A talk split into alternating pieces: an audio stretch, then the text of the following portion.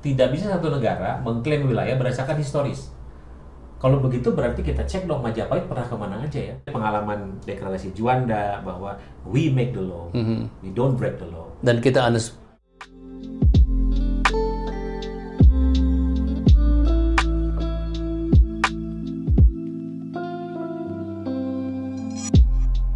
Bicara tentang wilayah dan kedaulatan Republik Indonesia, laut kita ini sangat luas nih, Pak Kang Bebep ya. Eh, jadi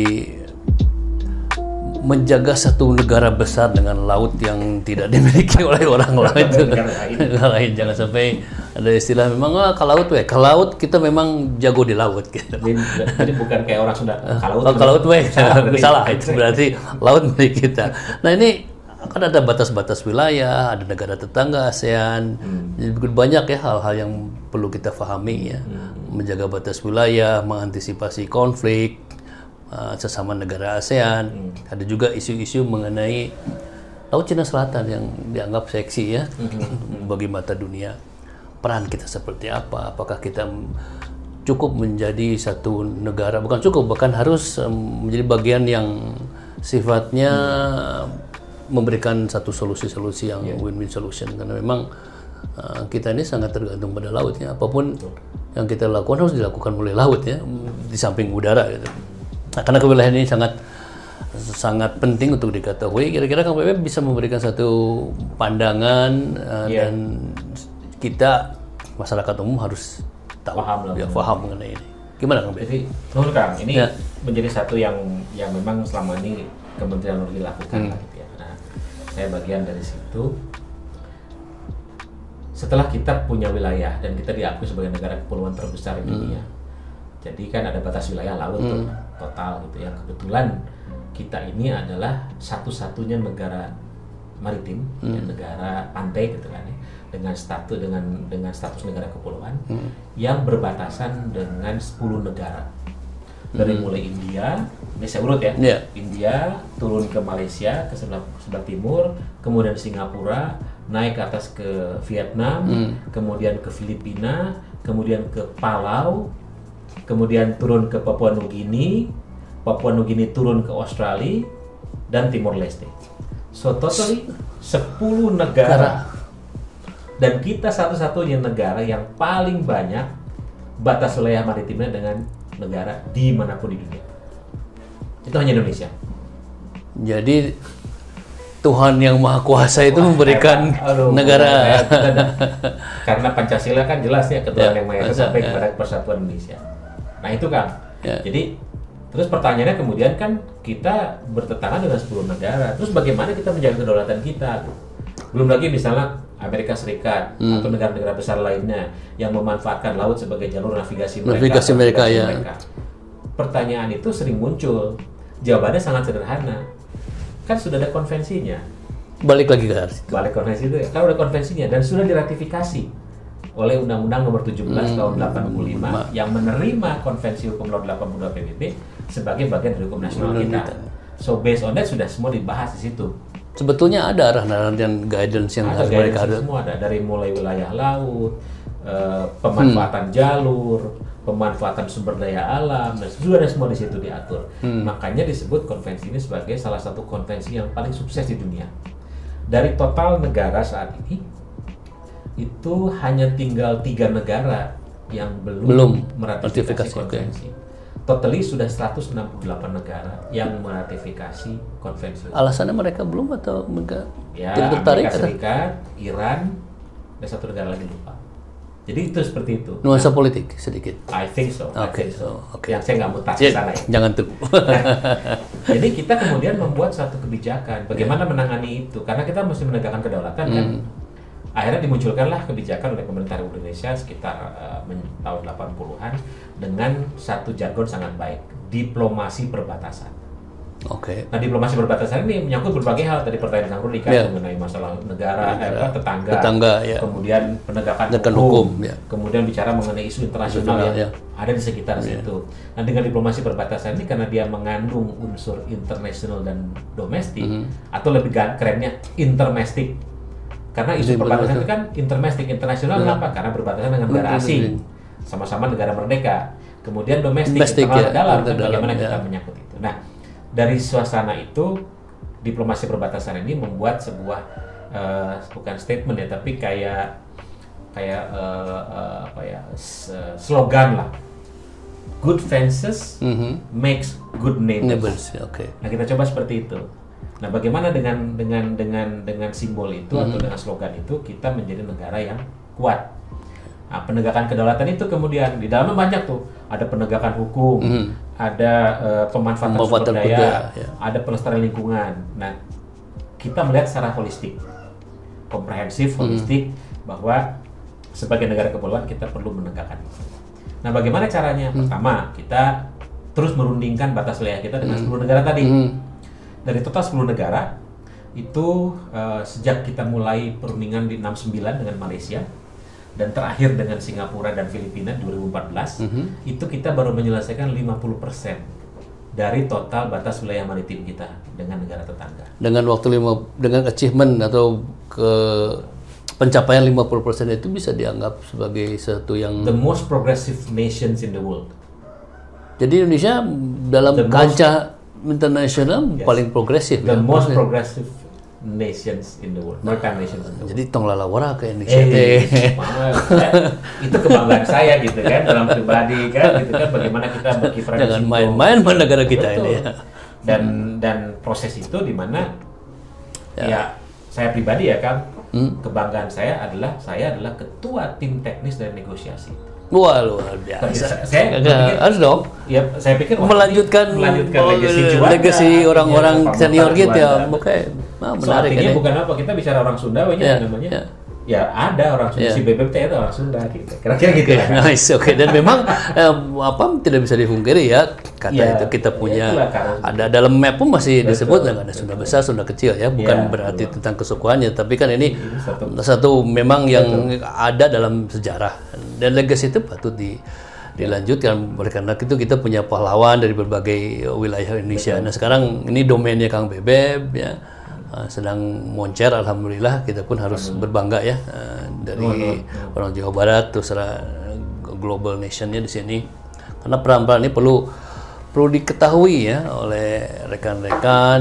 Uh, jadi ngobrol santai ini adalah memang harus dibuat menjadi satu knowledge ya, satu pengetahuan istilah bahasa Sunda istilah ngadu bako kali ya.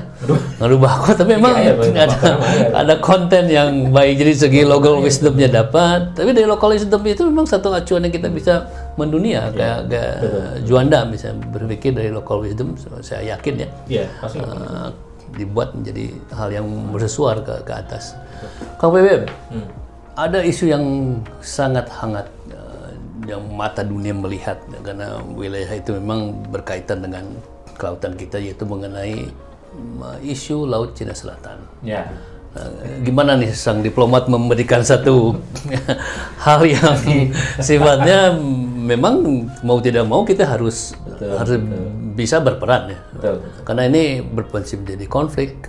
Setelah kita yakin bahwa kita melaksanakan penegakan kedaulatan ya, kan ya, bahwa dengan berbagai isu batas wilayah sudah kita rundingkan, sedang dalam on- ongoing proses, dan kita dianggap sebagai negara yang paling progresif di dalam melaksanakan ya. eh, konvensi hukum laut tersebut ya.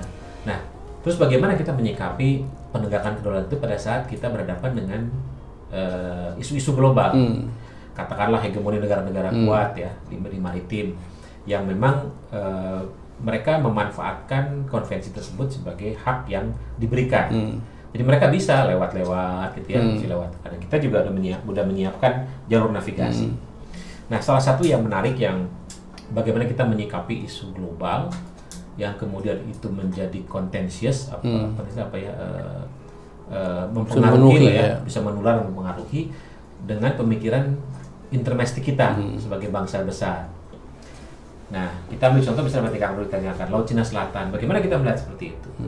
Nah, kalau kami di Kemlu, sebelum kita menyikapi satu isu global, kita perlu membuat anatomi dulu, anatomi dari isu tersebut. Katakanlah Laut Cina Selatan, apa sih anatominya?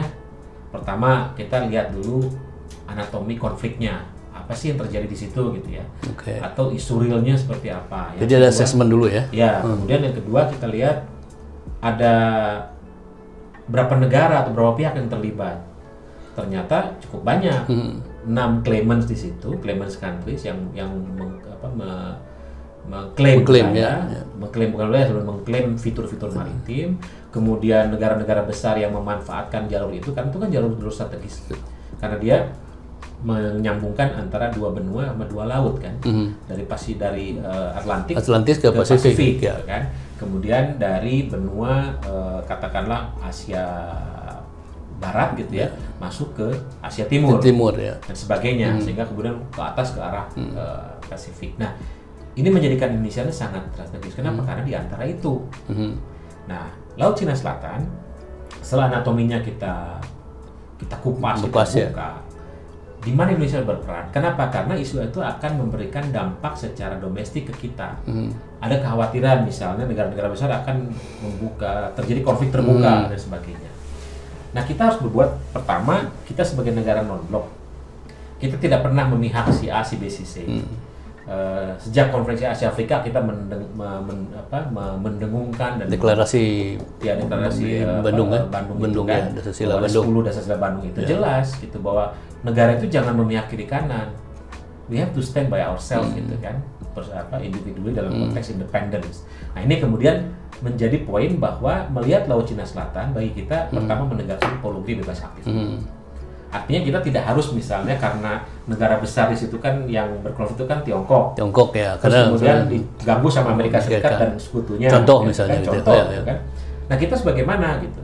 Pertama kita sebagai negara merdeka menganut pologri bebas aktif. Hmm. Ya udah kita berperan bagaimana wilayah tersebut menjadi stabil. Dan kita sudah lakukan uh, sejak isu atau um, konflik uh, batas wilayah ini yang diklaim terutama Cina ya, Cina Selatan ini. Nah sebagai uh, instansi bukan instansi maksudnya satu kementerian yang sifatnya selalu di front runner di depan ya, dalam kasus seperti ini.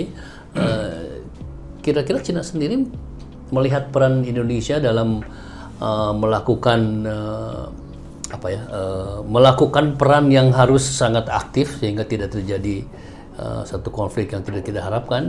Mereka melihat seperti apa ketika kita melakukan satu apakah itu official atau unofficial? Bisa, bisa. Diplomasi itu kan berbagai level ya, Iya, uh, jadi- kepiawaian seorang Ya, nanti tadi kan diplomat saya ya. eh, pas bagaimana kita menyikapi Ya, itu gitu kan karena kan Laut Cina Selatan itu secara internasional itu menyangkut semua wilayah di dalam Hmm. itu dari mulai even termasuk Laut Natuna Selatan. Ah, Oke. Sebagai eh, dalam konteks hidrografi internasional Hmm. itu adalah laut laut Cina Selatan total. saya, saya, saya potong sedikit saja bentar nggak Beb? Nah, Hal yang menarik ketika presiden kita berdiri di atas kapal waktu itu ya, apakah ada hubungan dengan itu nanti nanti nanti saya saya apa ada ada ada sequence-nya sampai Oke, ke sana oke, gitu kan. oke, oke, oke. Jadi kita kan mesti menunjukkan itu gitu ya. Menunjukkan Oke. itu intinya bahwa ini adalah laut dalam konteks internasional, ini laut internasional. Tapi setiap negara berhak untuk mengklaim wilayah berdasarkan pada konvensi lagi. Hmm, Oke, kembali lagi ke asal. Kembali ke asal konvensi. Konvensi mengatakan silakan Indonesia mengklaim dari garis pangkal kepulauan kita dari Pulau Sekatung ya hitungannya tarik 200 nautical mile ke arah utara untuk ZTE-nya. Oke. Kalau kemudian dia bersinggungan dengan negara lain, di situlah kita Kita bernegosiasi. negosiasi. Oke. Nah, Laut Cina Selatan, Tiongkok terutama, dia mengklaim kan disebut dengan nine dash line tadi. Nah, nah, titik Ya, sembilan yang mereka yang klaim by international law dari semua angle itu illegal. belum belum dianggap sebagai satu yang bisa di diklaim sebagai kepemilikan tidak satu mungkin negara. karena historik Oke, masing-masing negara punya pandangan sendiri kan? semuanya sama. Sama, ya. Tidak bisa satu negara mengklaim wilayah berdasarkan historis. Kalau begitu berarti kita cek dong Majapahit pernah ke mana aja ya, Sriwijaya pernah ke mana aja. Atau penjajahan pernah ke Ke mana ke gitu? Mongol misalnya. Berarti kan- ya. Berarti itu wilayah kita sebagai Ya. sejarah. Oke. Itu nggak bisa. By Oke. law, by international nggak bisa. Ya, itu kemudian karena karena hukum sih law is red Iya, gitu ya. Kita iya, putih gitu. Jadi, yes or no gitu. dari kondisi itu kemudian bagaimana kita menyikapi? Hmm. Akhirnya kita menegaskan empat hal. Pertama, Laut Cina Selatan itu adalah konflik bilateral Hmm. di antara negara-negara yang mengklaim kawasan itu. Dari mulai Tiongkok, Taiwan. Taiwan. kemudian Malaysia, Malaysia, ya. Brunei, Philippines, ya. Filipina, dan Vietnam. So six countries Iya. claimants. Indonesia enggak. Kenapa? Karena kalau kita even narik 200 nautical mile, kita nggak sampai ke arah sana. Tapi karena sikap Tiongkok dengan mengklaim yang ilegal tadi Iya. menjadi seolah-olah ada konflik dengan kita. Itu pertama, kita tidak tidak mengatakan. Yang kedua, kita mengatakan bahwa Indonesia tidak akan terbawa dalam konteks itu. Tapi Tapi peran kita dalam konflik menyelesaikan yang, nah itu konflik yang terjadi di situ bisa mem- bisa berdampak kepada eh, isu-isu internasional atau domestik di negara-negara sekitar termasuk Indonesia karena memang kita leader di ASEAN diharapkan melakukan nanti satu itu belum nah Oke. proses itu dulu nah begitu dia dia kita mengatakan konsep itu kita katakan sudahlah kalian yang berenam itu duduk bersama karena empat dari enam claimant tersebut adalah anggota negara ASEAN Hmm. di situlah Indonesia kemudian menegaskan dirinya sebagai honest broker Oh, interesting Jadi- terminology. Jadi sebagai orang yang bukan orang, jadi negara yang jujur dalam menyelesaikan satu memfasilitasi prestasi lah. ya. Oke.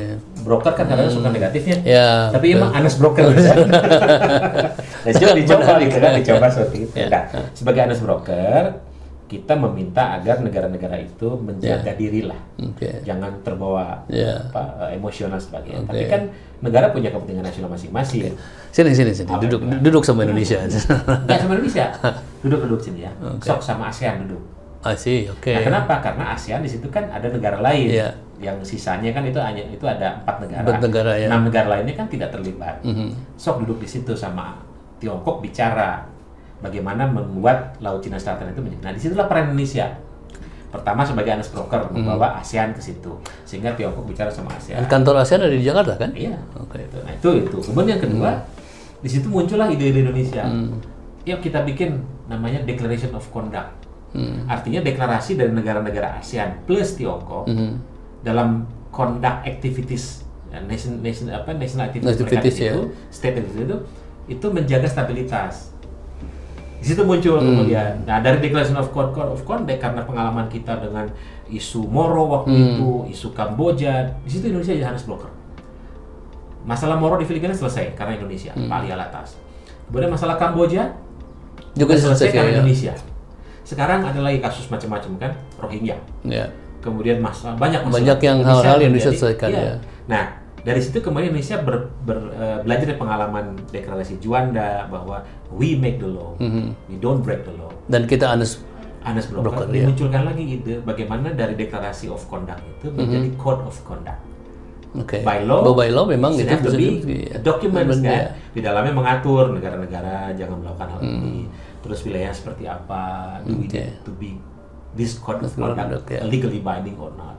Jadi di situlah peran Indonesia. Nah dalam dalam situasi yang saat ini itu baru Laut Cina Selatan. Bangsa yang cerdas kita ini menyelesaikan. Hebat. Kunci kurang mah hebat. Ngan ngartin tuh. Jadi kita ngopi. Ngopi santai biar hebat. gitu kan itu sesuatu yang bagi kita Hmm. Oke. membanggakan. jadi terlepas nggak usah kebetulan saya berkarir di, di Kementerian Luar sebagai Hmm. diplomat tapi menurut hemat saya sih semuanya ya, di berbagai Iya. kondisi jadi jangan diperkeruh misalnya bahwa Indonesia karena Laut Cina Selatan diklaim oleh Tiongkok ayo kita berunding dengan Tiongkok Hmm. nggak bisa Tiongkok melakukan illegal activities, Aktivitas di Nine Dash itu. di Nandesan itu nggak ada misal karena historik kayak tadi Iya. kan nggak bisa tapi kemudian kita tidak men-challenge itu Iya. tapi kita mengatakan karena nggak konsisten kita tinggalkan ini saya kasih saran Itu, ya, sudah exit ya. melalui format ASEAN di situ kan Indonesia founders ya, Founder kan? daripada uh, apa negara ya, ASEAN itu itu. Tapi di sisi lain kita juga tidak bisa diam saja kan? Hmm. bagaimana dengan negara-negara besar lain yang terus merongrong laut Hmm. Cina Selatan? Katakanlah misalnya negara besar dari Amerika Serikat Inggris Prancis belum lagi Australia belum lagi ada Jepang Hmm. juga ada Selatan di situ. Bagaimana menyikapi itu? Ya kita tetap bers- bersahabat dengan mereka. Kita menyampaikan pada mereka ya sudahlah laut Cina Selatan itu kan bisa diselesaikan oleh negara-negara Hmm. sekitar. Anda nggak usah memperkeruh suasana. Tapi kita tetap bersahabat. Karena apa? Karena politik bebas aktif tadi. Ya.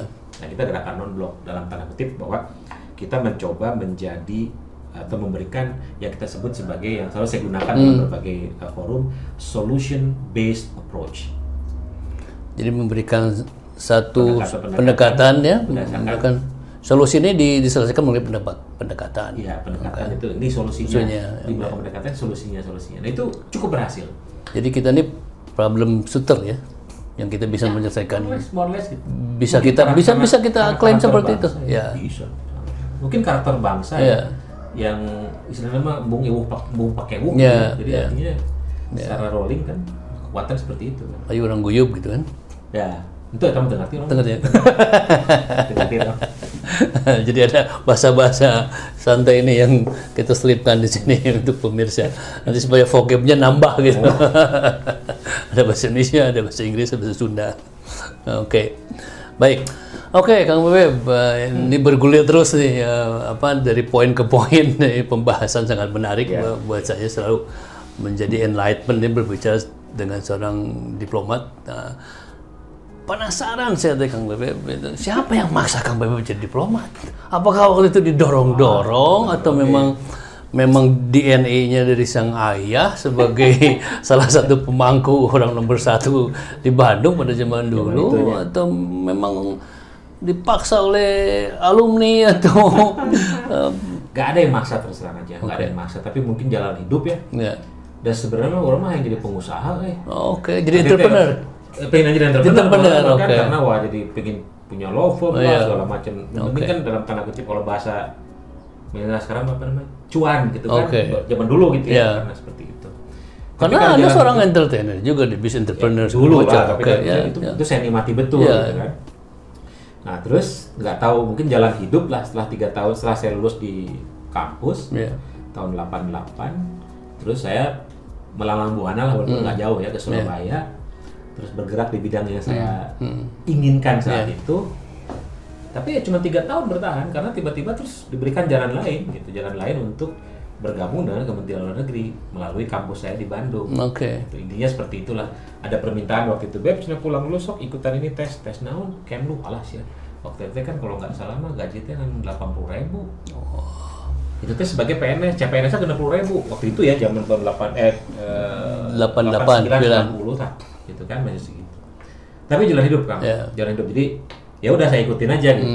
Eh ternyata diberikan itu. Dan ternyata eh, ibu saya ya pun bilang Ya. ya sebut cepopong lah ya. Ya, sepopong, ya. Cepopong untuk ini sangat mendukung gitu. Ya sudah karena itu restonya ibunya Hmm. ridhonya ibu ya saya masuk ke situ. Itulah yang menjalani. Kemudian akhirnya saya berlanjut berkarir di Kemlu itu intinya. Ada seorang mentor siapa yang menjadi your inspiring uh, At atau the- yang belajar time, dari ya. Time, dari sumber apakah uh, mau sosok atau Ada- kalau ada- disebutkan itu atau Ya, atau sesuatu yang beberapa ada sifatnya beberapa Pituin Sunda Eh, pernah dengar nggak Ilen Surya Negara nama belakangnya sound familiar, Ya, oke. Dia salah satu tokoh Sunda yang memang eh, diplomat. Dulu Oh, oke. Diplomat ya. Dulu dia eh, dia dia berlatar belakang dari jurnalis. Oh seperti Pak Wakil Presiden dulu, Eh, ada Malik. Malik ya, gitu. Malik kan menjadi Ya, Menlu ya waktu itu ya. Kemudian ada lagi Pak eh, Jaya Hadi Kusuma. Oke. Juga sama diplomat gitu kan. Oke. Bukan idola idola langsung Hmm. tapi dari diskusi saya dengan beliau, oh itulah seorang diplomat. Kemudian itulah yang mendasari saya kemudian Hmm. ya udah diplomat mah nggak usah berpolitik lah. Mhm. karena basically you are within the politics. Mhm. Jadi Within the home of politics iya, sih. jadi jangan diperparah dengan kita berpolitik. Udah, Oke. kita seperti itu. Akhirnya berjalan seperti apa adanya dengan mengikuti arus yang baik lah gitu ya. Ke mana-mana dengan up and down dan sebagainya. Alhamdulillah udah sampai pada titik ini yang memang yang udah bilang saya sampaikan. Cita-cita semua diplomat adalah menjadi duta besar besar. tidak kemudian kalau ada yang jadi menteri ada yang jadi wakil menteri ada yang itu bonus Bonus lah ya. tapi intinya Ya. adalah menjadi duta besar karena dari total duta besar eh, itu kan tidak banyak ya sekali dalam proses itu selama per tahun atau katakan per dua tahun itu nggak lebih dari 20 orang 20 orang. dari mulai zaman dulu kan Perwakilan kita di luar ada 135 negara. ada 131 perwakilan Itu satu perwakilan setingkat eh, kedutaan besar sampai ke konjen, konsulat jenderal dan ya. konsulat termasuk di dalamnya ada yang disebut dengan perwakilan tetap Republik Indonesia untuk PBB. PBB di New York dan di New York, Geneva ya. New York, Jenewa, Wina, sama di eh, Nairobi. Oh Nairobi, oke, baru untuk, dengar. eh, United Nations eh, on Environmental Program. Oke. Gitu. Nah, alhamdulillah saya sempat bertugas di Jenewa waktu awal Nah, karir di- saya di Swiss ya. First post di Jenewa. Jadi ini ceritanya kan nggak Hmm. nggak ada yang jalan hidup udah dan ridonya dari ibu Dari doa sang ibu ya. doa sang ibu ibu ente setuju berenya waktu saya jadi entertainer di Surabaya Oh, gitu oke. di Bangor berenya Terus balik ke kan dengan bahasa ibu yang Ya, doa ya ya soalnya anak-anak. Iya. Sama, beda lagi, ya. jadi gitu kan Oke, Nah, alright. jadi mungkin kalau saya eh, kita kan udah dalam usia yang senior sebenarnya dalam Iya. tanda kutip Tapi orang kudu baik orang kan. Tetap tetap tetap memang tadi mah tetap ngorang jadi bagaimana kemarin kita sebagai apa ya influencer lah ini kan Influencer, ya. influencer ya ya tapi kalau ini influencer kita harus harus melihat beliau itu sebagai salah satu yang Ah, sama-sama, ini ya. kan. nah ada beberapa tips mungkin dalam pengalaman saya lah gitu Iya. ya untuk menjadi eh, bukan menjadi saat ini tapi berprosesnya Iya. gitu ya saya melihat setiap orang itu punya eh, EQ. Kalau IQ kan Ya, automatically temen- you were ya, born ya, it. ya. Tapi EQ, emotional apa namanya? Eh, apa quality Buku ya, kuiten ya. Nah, itu itu adalah dibangun Mm-hmm. karena pengalaman. Nah dari pengalaman selama hampir eh, bukan hampir sudah hitungan saya sudah Berapa- 32 tiga tahun saya, ya, 32 mengabdi jadi tahun, abdi negara nih ya. Negara ini 32 tahun dan alhamdulillah sudah dapat Satya Karya Lencana. Oh, congratulations. 30 tahun. Ya. Jadi eh, ternyata seorang manusia, seorang manusia lah katakanlah Hmm. dalam dia berkarir itu perlu punya tiga pegangan. Mhm. Yang pertama passion. Mhm.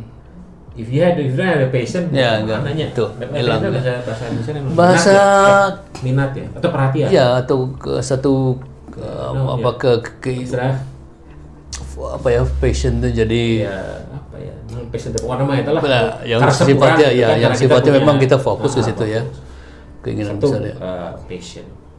Kemudian yang kedua adalah trust. Mhm.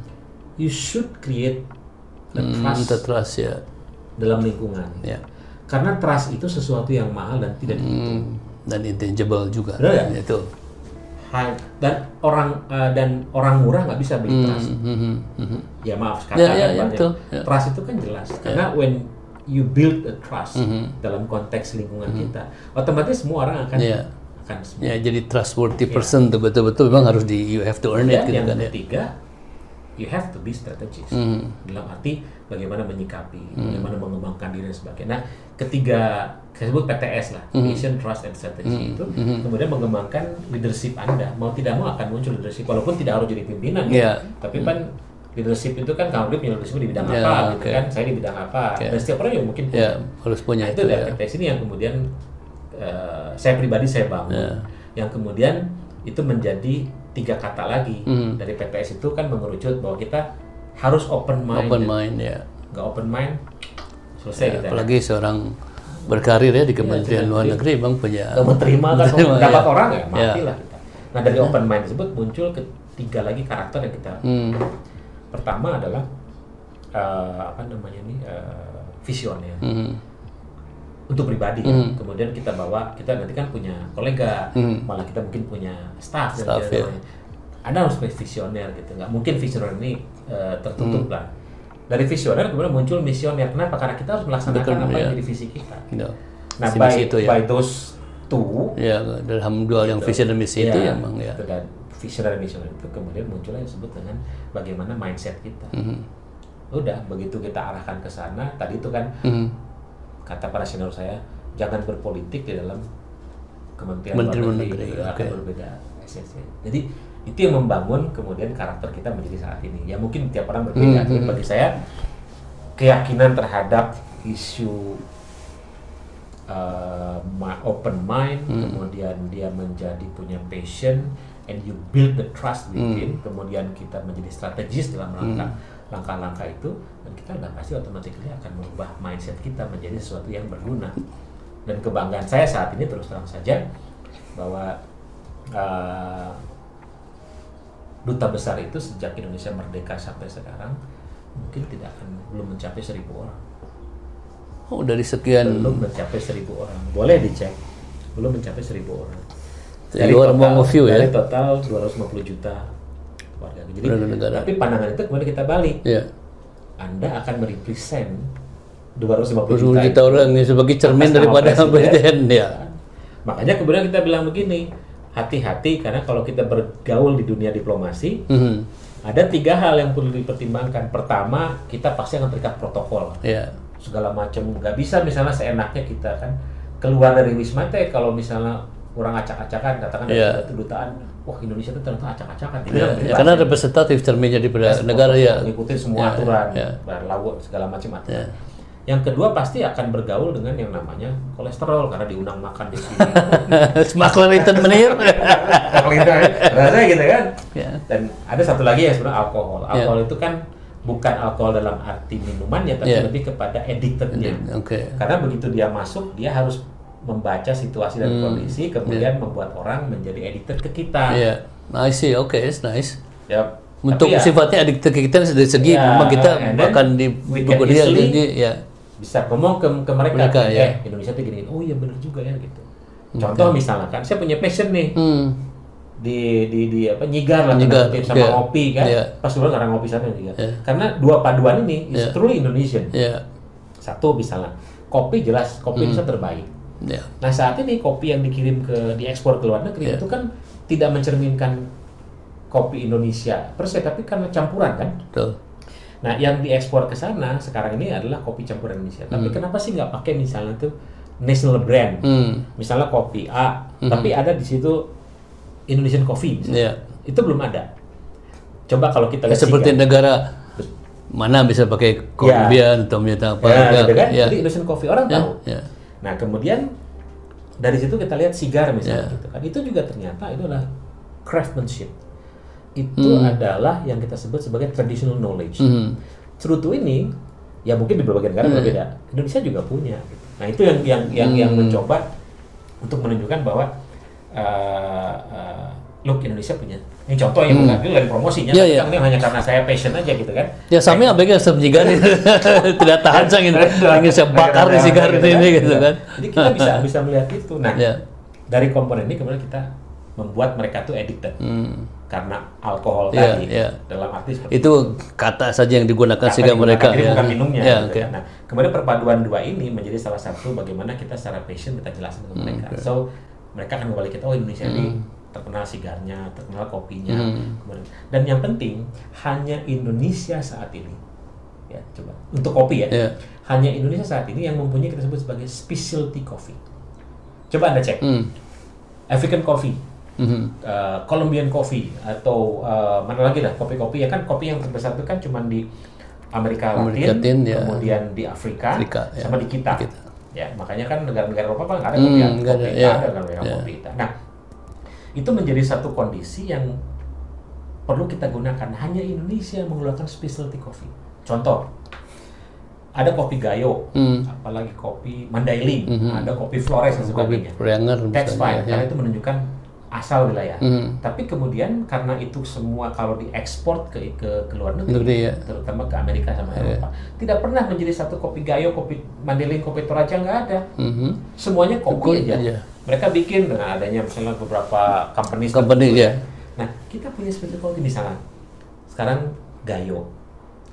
Jangan kemudian dia disatukan dengan kopi Manglayang, kopi Malabar. Flores misalnya. Karena apa? Karena mem- mem- karena sesuai kuota. Saya perlu sekian ratus ton. Hmm. Gayo nggak cukup, campurkan dengan yang lain. Iya, Tapi iya. jadi kopinya Indonesia. Iya. Nah, kopi Gayo harus muncul bahwa ini specialty coffee of Indonesia by geographical indication. Ya, ya. Balinese coffee. Ya. Ada lagi Kang yang Hmm. paling menarik. Indonesia sekarang sudah bisa membuat fermented coffee. Jadi kopi yang Ini seorang diploma punya knowledge kopi juga nih. Jadi memang sedikit lah, sedikit lah. Eh, nggak? memang harus harus juga karena diplomat itu nggak harus men- ya harus bisa menjadi marketing untuk negaranya ya. Ya. Mau itu produk atau apa pun Iya. karena industri ya memang mengangkat uh, apa negara passion, juga. kan? Iya betul passion ya. Oke. Jadi kopi itu ada Kang. Misalnya kopi katakanlah Hmm. ada kopi rasa wine, Oke. kopi rasa bir, kopi rasa kutip Berbagai macam beyum. beyum, Iya. ya. Dan itu sebetulnya kalau di kemudian di pairing sama Iya. kopi, Eropa ke kelapa you- sekarang malah. Iya, ya. you don't need to have a wine. Iya. You don't need to have a, apa namanya liquor, Liquor, ya. untuk memadukan kopi. Eh, ma- eh, serutu cukup dengan itu. Artinya kita masih dalam konteks yang halal. gitu kan. Hmm. hmm. kan halal dong. Ya, Karena tidak tidak tidak ada itu sesuatu Ya. yang kita kita sampaikan tapi at least somehow dalam konteks uh, once you become what you are Ar, ya. anda harus punya sesuatu yang membuat anda terus ingin bergerak Ini salah satu salah satunya kopi and cigar ini ber- ber- berdiplomasi Cigar, dengan kasih semua gift ya. Jadi memang dan kalau kita orang berdua kan sudah ya. kan kita berdua founders pada Bandung Cigar Community mean, Somehow. ya kita berdua karena Ya. apa karena ini sesuatu yang kita bisa Ya. bisa Dan ini kemudian dari sini saya bawa Ya. kalau insya Allah nanti kalau saya Ya. berangkat ke Yunani ke. Athena Ya. kita akan membawa yang disebut dengan Innovation Corner Hmm. ya kita punya banyak yang terjual ya dari mulai Indomie, gula aren, gula Hmm. kelapa, terus kemudian eh, berbagai komoditas lainnya itu sudah sudah menjadi komoditas, artinya Hmm. eh, pasar komoditi. Tapi something that reflect Indonesian Ya. dalam tanda kutip menjadi karena traditional, Traditional knowledge, knowledge ya. craftsmanship dan sebagainya, something that they don't have. Mhm. Sigar walaupun kita punya lawan di mana di Amerika Latin, di- Cuba di- macam. ya. Kalau kita lihat kotaknya produksi-produksi Kuba, Mhm. eh, apa namanya produksi eh, cerutu Kuba, Cerutu Kuba, kan ya. banyak merek tuh, Ya. tapi di situ ada tulisannya Habanos. Oke.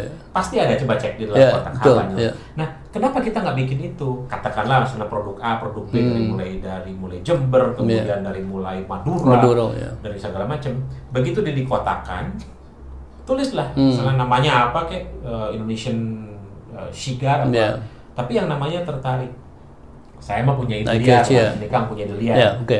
Bisa nggak saya ya. bilang gitu karena ini akan menjadi promosi Indonesia. Tulis aja bahwa kalau misalnya produk Indonesia itu baik itu mereknya punya siapa pun, Hmm. ada tulisannya The Ambassadors. Kenapa? Ambassador kan merepresent negara. Saya sih nggak setuju karena yang kita bisa kalau kita pakai kata menjual ya, ke- orang cuma bilang kan Anda harus menjadi marketing yang baik untuk negaranya kan. Apa pun Kami karena marketer yang di- yang dilatih. yang dilatih kan secara, secara berbagai level kan Dan bilateral kan. di- dipaksa, Ya. dipaksa orang jadi marketing. Ya. Dulu, dulu kan kalau dulu Ya, kan kudu mau dasi segala Ya, macam, ya. nggak bisa lagi sekarang kan. Ah oke. I have to be like this gitu ya. Seperti kita Santai, kayak ya, gini, ya. santai masuk ke kafe, siapa pun kita ajak ngobrol, Ya. diskusi apa pun.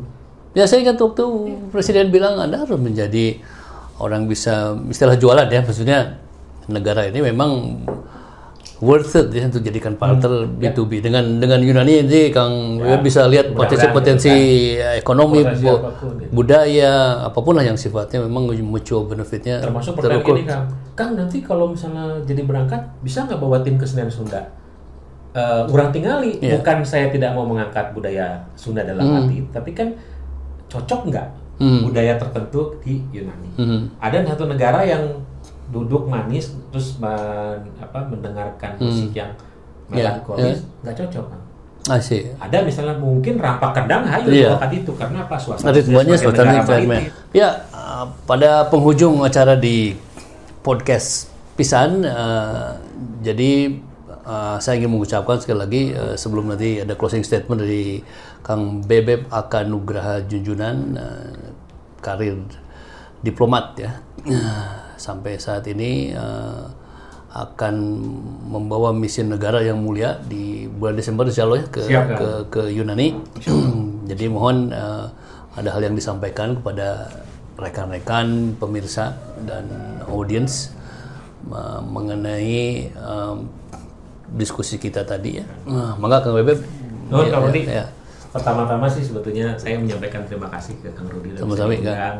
Nuhun. Eh, ini ini podcast ngobrol santai pertama saya nih kan. Ah, oke. aja. Jadi kanvas kosong kita isi nih. Ah, oke. Hari ini kita isi dengan bahasa tanda kutip kita bicara mengenai Indonesia Mhm. kan kita sebagai Indonesia. Hanya dua hal Kang yang mungkin saya ingin sampaikan kepada eh, para Mhm. pemirsa terutama adik-adik dan mungkin generasi apa namanya milenial Ya, sekarang milenial dan bukan Gen Z, Gen- Gen- lalu ada Gen, ada Gen Y, Gen Z, macam-macam gitu kan. Y, Z, ya. ada milenial gitu kan. Nah, khususan pada milenial. hanya dua hal mungkin yang yang ingin saya share dengan eh, adik-adik, mungkin teman-teman yang seangkatan dan sebagainya, bahwa we atau kita harus sangat bangga menjadi bangsa Indonesia. Harus sangat bangga. Karena kita menjadi bagian dari sebuah proses dunia yang global dari mulai kita menjadi negara yang merdeka di tahun 45, kemudian kita menjadi negara kepulauan terbesar di dunia pada tahun 82 dan setelah itu menjadi negara yang menjadi uh, center atau pusat perhatian negara-negara lain bagaimana Indonesia berkontribusi di dalam berbagai masalah-masalah internasional. Ya. Jadi agak berbeda kalau ada saat ini orang yang tidak bangga menjadi Indonesia. Saya bilang kalau manusianya mungkin bisa berbagai macam hmm, ya Kang ya. Betul. Karena kan tidak semua sama. sama saya makan roti ya. beda. Ada yang makan kasep, orang makan gagal. Beda, beda kan? Beda juga beda setik. Beda setik. beda gitu kan. Tapi dalam dalam pemahaman ini Mohon, ya. terus terang uh, kebanggaan itu tidak bisa tumbuh kalau anda nggak punya passion, passion tadi. Ya Nah, passion tadi harus menjadi bagian Anda mempercayai diri Anda sendiri untuk maju, mm -hmm. berkembang, ya. menjadi orang Indonesia benar. Ya, bermanfaat untuk hal yang baik ya. Uh, saya memilih menjadi diplomat dan mudah-mudahan dengan diskusi kita tadi ya. dari mulai kita bicara mengenai filosofi, Oke, ya. kemudian kita bicara mengenai bagaimana negara ini, ini apa, uh, melakukan perannya ya, perannya, kemudian dia berdiri dan hmm. sampai saat ini kita itu akan dan sudah diprediksikan. Hmm. Ini satu poin yang sangat menarik. Kita sudah diprediksi oleh independent researcher, oleh independent organisasi, hmm. bahwa dalam waktu uh, lima tahun ke depan, hmm. 2025, dengan uh, officially hmm. masyarakat ekonomi ASEAN itu resmi dibuka. Dibuka ya Indonesia itu sudah menjadi negara keempat terbesar di ASEAN. Ya. Kemudian dari 2025, hmm. kalau kemudian kita berkembang sedemikian rupa, pada tahun 3, eh, 2030, 30, ya. berdasarkan penelitian McKinsey yang menjadi okay. salah satu uh, istilahnya itu peneliti, peneliti ya? internasional hmm. dari berbagai bidang. Pada tahun 2030 Indonesia akan menjadi negara ketujuh terkuat di dunia ekonomi. Ekonomi, oke. Okay. 2030. 2040 Indonesia akan menjadi negara keempat ekonomi terbesar di dunia. Itu prediksi hmm. yang dibuat. Kita jangan bicara soal pandemi ya. Hmm. Itu pandemi sesuatu tapi yeah. proses ini sudah berjalan. Jangan kita kemudian sebagai orang Indonesia mendiskreditkan posisi kita sendiri yeah. sehingga target yang sudah disiapkan atau sudah siapa sudah di yang diharapkan ya diharapkan oleh berbagai komunitas termasuk dunia hmm. ini kita tidak hmm. bicara itu dibayar oleh pemerintah yeah. itu kita menjadi negara terbesar di dunia sekarang saja sudah diakui sebagai bagian dari G20, G20. dan menjadi observer dari G8 jadi okay. dalam bahasa kerennya kalau kita bicara bahasa milenial hmm. we should be proud of being Indonesian being yeah. Indonesian yeah. as a great nation yang sudah dijelaskan dari sejak awal okay. proklamasi sampai hari ini. Jadi gitu kan? Ya. Atau nuhun itu Sampai -sampai pesan kan? yang perlu digarisbawahi ya, tidak pernah keep your faith alive, jadi harus percaya diri kita ya. Apa pun tantangan pasti akan ada, tapi kita sebagai bangsa yang besar ya keempat secara populasi ya mempunyai sejarah leadership yang tercatat di dunia hmm. ya uh, sumber dayanya banyak jadi harus harus pede gitu, harus anceg ya. Bukan PDKT ya. Iya, mana? Bukan ya. PD ya. Jadi terima kasih sekali lagi. Nah, saya host Rudi Winarta Kusuma dalam kanvas kosong di podcast Pisan Law, Life and Matters. Terima kasih, hatur nuhun. See you next time in different program with different narasumber. Thank you, Kang. Nuhun, Kang. Salam sigar Salam sekarang nanti.